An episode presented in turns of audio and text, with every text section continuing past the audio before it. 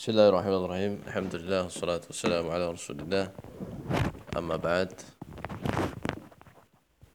كنت لنجدكان هذا قتقاء دري كجيان مفيد الصاحب مختصر دليل الطالب كتاب مفيد الصاحب yang merupakan ringkasan دري كتاب fikih berjudul دليل الطالب uh, kemarin kita sudah sampai pada pembagian air yang pertama adalah tohur dan tohur dibagi menjadi empat dan tohur dibagi menjadi empat yang bagian kedua adalah at-tahir. At-tahir ya, sering diartikan sebagai suci tapi tidak mensucikan. At-tahir itu ada yang memang dia sudah airnya itu sudah tidak disebut air lagi. Jadi tahir itu ada ya, tahir ini ada banyak macamnya. Yang pertama adalah yang dia sudah tidak disebut air lagi. Dia sudah menjadi nama yang lain dia sudah disebut dengan nama yang lain seperti kopi, teh. Dia sudah tercampur dengan benda suci dan sudah hilang sifat-sifat airnya. Seperti sirup, kopi, jus, susu dan sebagainya. Ya, atau yang asalnya dari buah-buahan, sari, kelapa dan sebagainya. Maka ini semua tidak boleh dipakai berwudu. Tidak sah Makanya disebutkan suci tapi tidak mensucikan. Dia suci dalam artian kalau kopi misalnya kena baju kita, kita sholat ada bekas kopi maka sholatnya sah karena kopi suci bukan najis tapi dia tidak mensucikan. Tidak bisa dipakai untuk mengangkat hadas. Ya, bagaimana untuk menghilangkan najis? Untuk menghilangkan najis, menurut madhab hambali yang muktamad, ya, Muktamad itu dalam artian yang resmi atau uh, jadi terkadang dalam madhab itu ada pandangan-pandangan yang dianggap itu pandangan resmi madhab dan ada yang masih pandangan di dalam madhab tapi bukan pandangan resmi. Ya, misal orang punya uh, punya sekolah atau pimpinan misalnya anggaplah misalnya pimpinan organisasi tertentu. Ketika dia wafat, dia uh, ternyata terjadi masalah di sebuah sekolah misalnya atau madrasah. Nah, kadang yang punya madrasah yang itu orang-orang di dalamnya itu berdiskusi ini kira-kira kalau pimpinan kita masih hidup ini kira-kira apa yang dia putuskan? Nah gitu. Atau oh dulu pernah dia mengatakan demikian. Yang lain oh dulu pernah mengatakan demikian. Eh, jadi ada dua perkataan. Nah kadang-kadang itu ditimbang-timbang mana yang lebih sesuai dengan visi misi sekolah misalnya. Oh ini lebih pendapat uh, pimpinan kita dulu yang ada dua ini nampaknya yang lebih sesuai dengan visi misi sekolah yang ini. Nah sama juga dengan madhab misalnya. Ya ini uh, gambaran sederhana saja tapi aslinya sebenarnya tidak seperti plek seperti ini masih ada rangkaian-rangkaian yang rumit. Tapi uh, gambaran sederhananya seperti itu. Misalnya madhab entah Imam Syafi'i ada perkataan yang jadid atau kodim ya kan atau Imam Malik kadang sampai ada lima pendapat dalam sebuah masalah. Atau Imam Ahmad kadang sampai ada tiga riwayat. Nah, ya. Nah kadang ada masalah yang pandangan Imam Ahmad sampai tiga di situ. Dan satu sama lainnya saling bertolak belakang. Nah kadang dicari mana yang muktamad yang lebih sesuai dengan usul uh, Imam Ahmad dalam memahami dalil misalnya. Seperti itu ya. Jadi kalau ada saya bilang muktamad itu berarti pandangan yang dianggap resmi madhab hambali gitu ya yang uh, uh, nah nah uh, kembali tadi maka yang seperti kopi ini uh, tidak bisa mensucikan dipakai berwudu. Jadi kalau tidak ada air maka sudah cari ke mana-mana tidak ada air maka tayamum. Ya tidak boleh oh tidak ada air tapi ada susu wudhu bagi susu nggak boleh.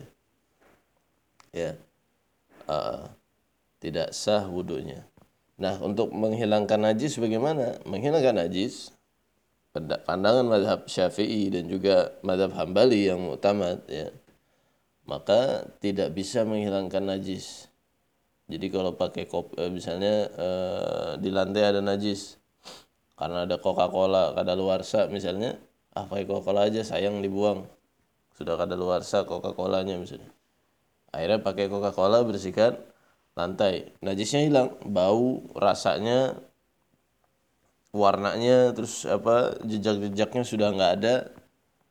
Maka ini tetap dihukumi najis. Tetap dihukumi najis. Sehingga kalau sholat di atas e, lantai itu tidak sah sholatnya. Kecuali kalau misalnya ditutup dengan sejadah. Tapi kalau langsung maka tidak sah. Kenapa? Karena dianggap masih ada najisnya. Atau baju misalnya baju bernajis. Direndam di air yang sudah uh, tercampur inso maka meskipun najisnya hilang maka dianggap masih bernajis tapi kalau pendapat yang lain ya yaitu yang pendapat ya, Ibnu Taimiyah ya dan juga nampaknya Ibnu Rushd seorang ulama Malikiyah juga nampaknya condong ke pendapat ini adalah segala sesuatu uh, bisa dipakai untuk menghilangkan najis. Selama najisnya hilang, maka sesuatu tersebut bisa menghilangkan najis ya. Misalnya tadi Coca-Cola kalau memang sudah hilang rasa, bau, warnanya dan juga apa namanya jejak-jejak yang lain, maka dianggap hilang. Atau pakai matahari dijemur misalnya ya atau karena angin karena sudah lama bertahun-tahun rumah itu ditinggalkan akhirnya hilang najisnya dengan sendirinya maka itu sudah dianggap suci ya uh, dalilnya apa karena Ibnu Taimiyah melihat banyak dalil-dalil yang najis itu dibersihkan dengan selain air ya seperti uh, pakaian wanita yang yang panjang ya kan ketika para sahabiat, para wanita uh, sahabat dari kalangan wanita bertanya bagaimana dengan najisnya? Kalau kita disuruh panjangkan baju gitu kan biar tertutup uh, kakinya sebagainya. Nanti gimana dengan kena tanah yang banyak kotoran dan sebagainya. Kata Nabi nanti tanah yang lain yang membersihkannya. Nah, menunjukkan bisa selain air membersihkan najis ya atau Nabi kadang menggesek-gesek sendalnya sebelum masuk masjid ya membersihkan uh, najis di sendalnya dengan menggesek-gesek saja tidak dengan air dan hadis-hadis yang lain ya menunjukkan bahwa uh, terkadang uh, apa namanya najis tidak dihilangkan dengan air. Nah dan ini yang saya pribadi condong ya dan yang saya amalkan. Nah tapi kalau yang pandangan resmi madhab adalah tidak bisa kecuali dengan memakai air tohur ya. Sedangkan memakai air tohir nggak bisa. Dalilnya apa mereka? Dalilnya orang Arab yang kencing di masjid di situ Nabi memerintahkan untuk ambil air ya kan? Nah, namun ulama-ulama yang mengatakan bisa dengan selain air tohur mengatakan itu bukan dalam artian pembatasan tapi hanya saja karena memang yang paling cepat membersihkan adalah air nah maka tadi yang pertama tahir, tahirnya suci tapi tidak mensucikan, ya tidak mensucikan di sini kalau menurut madhab tidak mengangkat hadas dan juga tidak bisa membersihkan najis. Tapi kalau menurut pendapat Ibnu Taimiyah tidak mensucikan dalam tahir maksudnya tidak mengangkat hadas saja. Tapi kalau untuk menghilangkan najis bisa, ya. Kayak kalau uh, di Arab misalnya atau di beberapa daerah yang sudah canggih yang misalnya laundry pakai uap nggak pakai air apa hukumnya?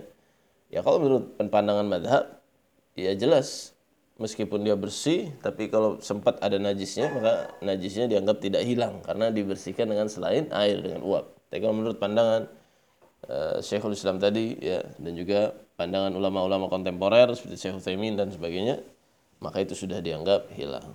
Nah, uh, ini tahir. Jadi yang pertama yang sudah berubah warna rasanya atau bahkan sudah disebut dengan nama yang lain ya. Maka ini disebut dengan tahir ya. Uh, yang kedua adalah uh, dia berubah salah satu sifatnya ya. Berubah salah satu sifatnya. Meskipun namanya belum berubah ya. Berubah berubah sifatnya berubah dengan perubahan yang banyak meskipun namanya belum berubah ya. Uh, meskipun uh, hal ini juga uh, menurut riwayat yang lain atau menurut Syekhul Islam masih disebut dengan tohur ya. Masih disebut dengan tohur karena belum berubah namanya. Seperti air misalnya dicampur dengan bidara misalnya terus sudah ada bau bidara dan sebagainya. Maka ini menurut pandangan uh, Ibnu Taimiyah dan sebagainya maka ini masih disebut air tohur ya. Air tohur. Meskipun perubahannya banyak tapi selama dia masih disebut air maka ini masih disebut dengan air tohur ya. Seperti misalnya air kecampuran detol misalnya. Di bak baunya bau detol. Di bak baunya bau detol ya. Maka kalau kita masih menyebut air itu masih menyebut air maka itu masih tohur ya. Nah. Eh, selanjutnya yang termasuk air tahir adalah air musta'mal. Menurut madhab hambali air musta'mal. Ya. Air musta'mal adalah air yang menetes ya dari anggota wudhu atau air yang menetes dari ketika mandi janabah. Ya, mandi janabah yang wajib dan juga wudhu yang wajib. Yang wajib ya, karena ada wudhu yang sunnah, ada juga uh, wudhu yang kedua, yang ketiga ya ketika kita membasuh tangan kan ada dua kali, tiga kali maka yang menetes dari yang kedua, yang ketiga tidak dimasukkan dalam mustahmal. Yang hanya masuk mustahmal adalah yang pertama kali. Ini mustahmal. Bisa juga mustahmal itu kalau misalnya orang berendam langsung, misalnya langsung berendam dalam uh, bak dan baknya kurang dari dua kula ya. Uh, maka ketika dia keluar dari bak itu, misalnya bak itu dihukumi airnya mustahmal ya jadi mustakmal bisa air yang menetes dari anggota e, badan yang dibasuh ya setelah bersuci atau air yang dipakai jika misalnya langsung di e, cemplung langsung cemplung di situ ya. Atau misalnya kalau wudhu tangannya langsung masuk ke ember langsung dicucikan ke ember. Tapi kalau tangannya masuk sekedar menciduk maka ini tidak mustakmal. Selanjutnya yang termasuk air suci juga air tahir ya. Suci tapi tidak mensucikan adalah air tetesan eh, benda-benda uh, yang najis ya. Yang najis dan najisnya sudah hilang. Ya misalnya uh, di meja ada uh, kotoran maaf kotoran tikus misalnya. Dibersihkan.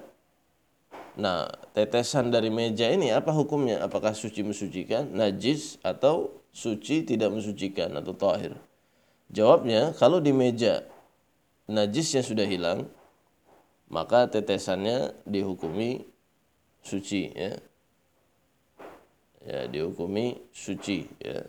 Atau eh, apa apa kalau misalnya tetes, sudah hilang najisnya dan juga sudah enam kali di eh, apa namanya?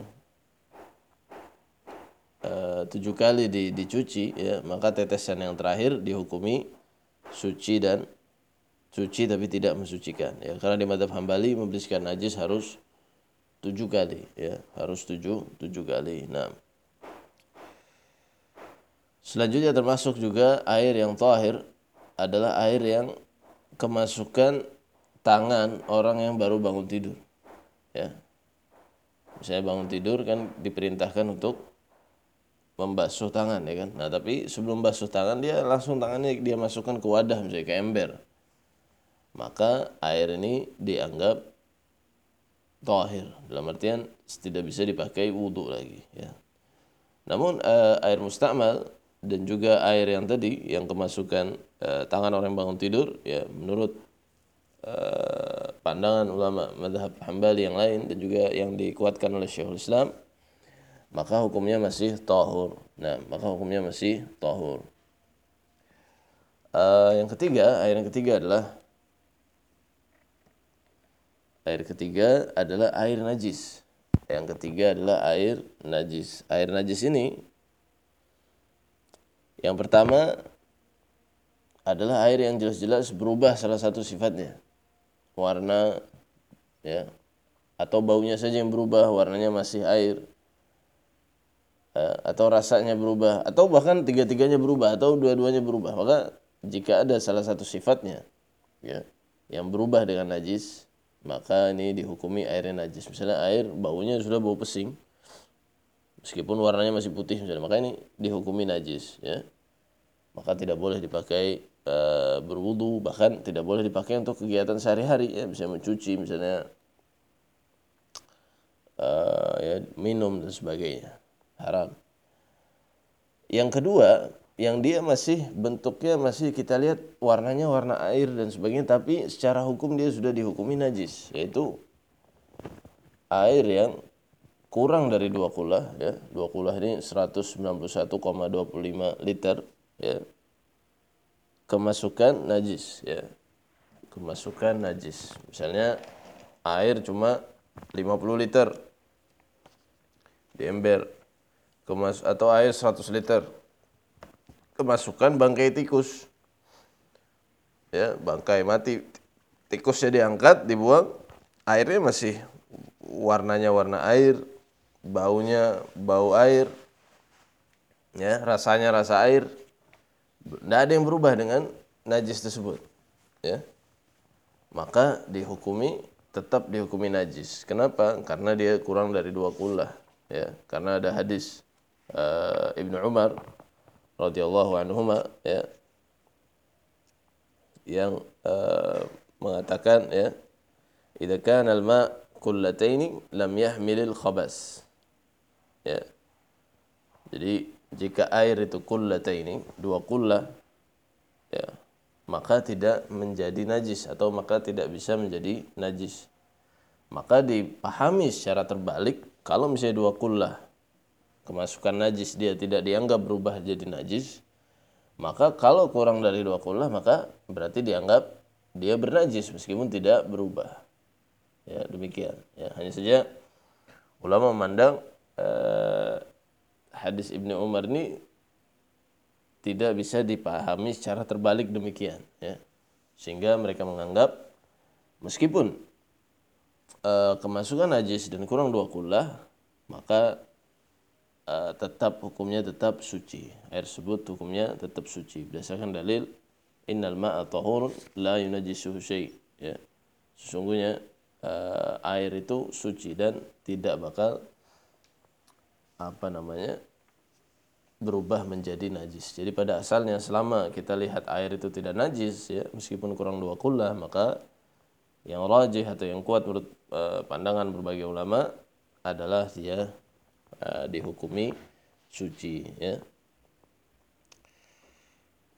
Nah, uh, maka kita lihat orang-orang kadang-kadang ibu-ibu kita dulu misalnya kalau nyuci yang najis biasanya dicuci dulu najisnya sampai hilang di luar baru dimasukkan mesin cuci ya kan karena kalau dimasukkan langsung mesin cuci tabungnya kurang dua kula Nah, mereka takut airnya nanti dihukumi menjadi najis ya. Nah, tapi Allah alam yang lebih rajih, yang lebih kuat adalah tetap suci selama tidak berubah salah satu sifatnya. Nah, demikian. Uh, mohon maaf lebih uh, 3 menit ya, belum target 15 menit saja. Wassalamualaikum warahmatullahi wabarakatuh.